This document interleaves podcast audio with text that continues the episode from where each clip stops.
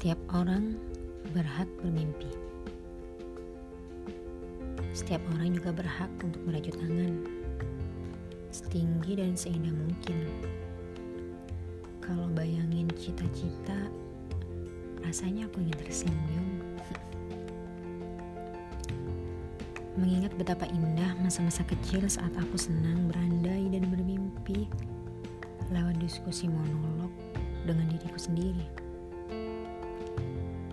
Mimpi, cita-cita bisa mendorong semangat kita. Ya gak sih? Apa cuma aku doang? Rasanya aku jadi bocah terajin waktu itu demi mengejar mimpi-mimpi yang kurangkai dalam angan. Terlepas dari tercapai atau tidak sih, menurutku itu hal wajar. Yang terpenting, bagaimana kamu menikmati proses-prosesmu saat kamu sedang bermimpi, hingga kamu dan aku menjadi sampai saat ini. Mungkin tanpa mimpi yang kau rajut dulu, tidak akan menjadi seperti sekarang ini.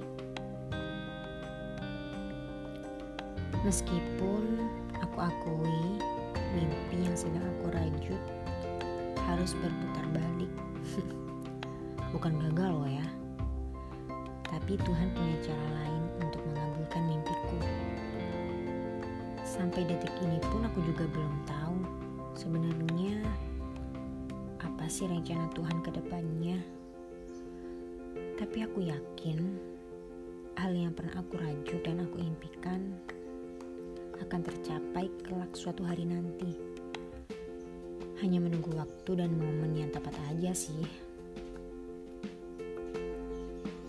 Buat kalian yang sedang mendengarkan suaraku, jangan pernah merasa lelah untuk bermimpi, meskipun rasanya sudah tiada harapan lagi.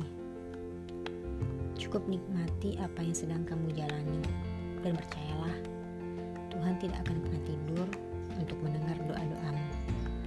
Bisa jadi sih mimpimu lagi nyantol di barongan gitu. Jadi kesambet sinyalnya.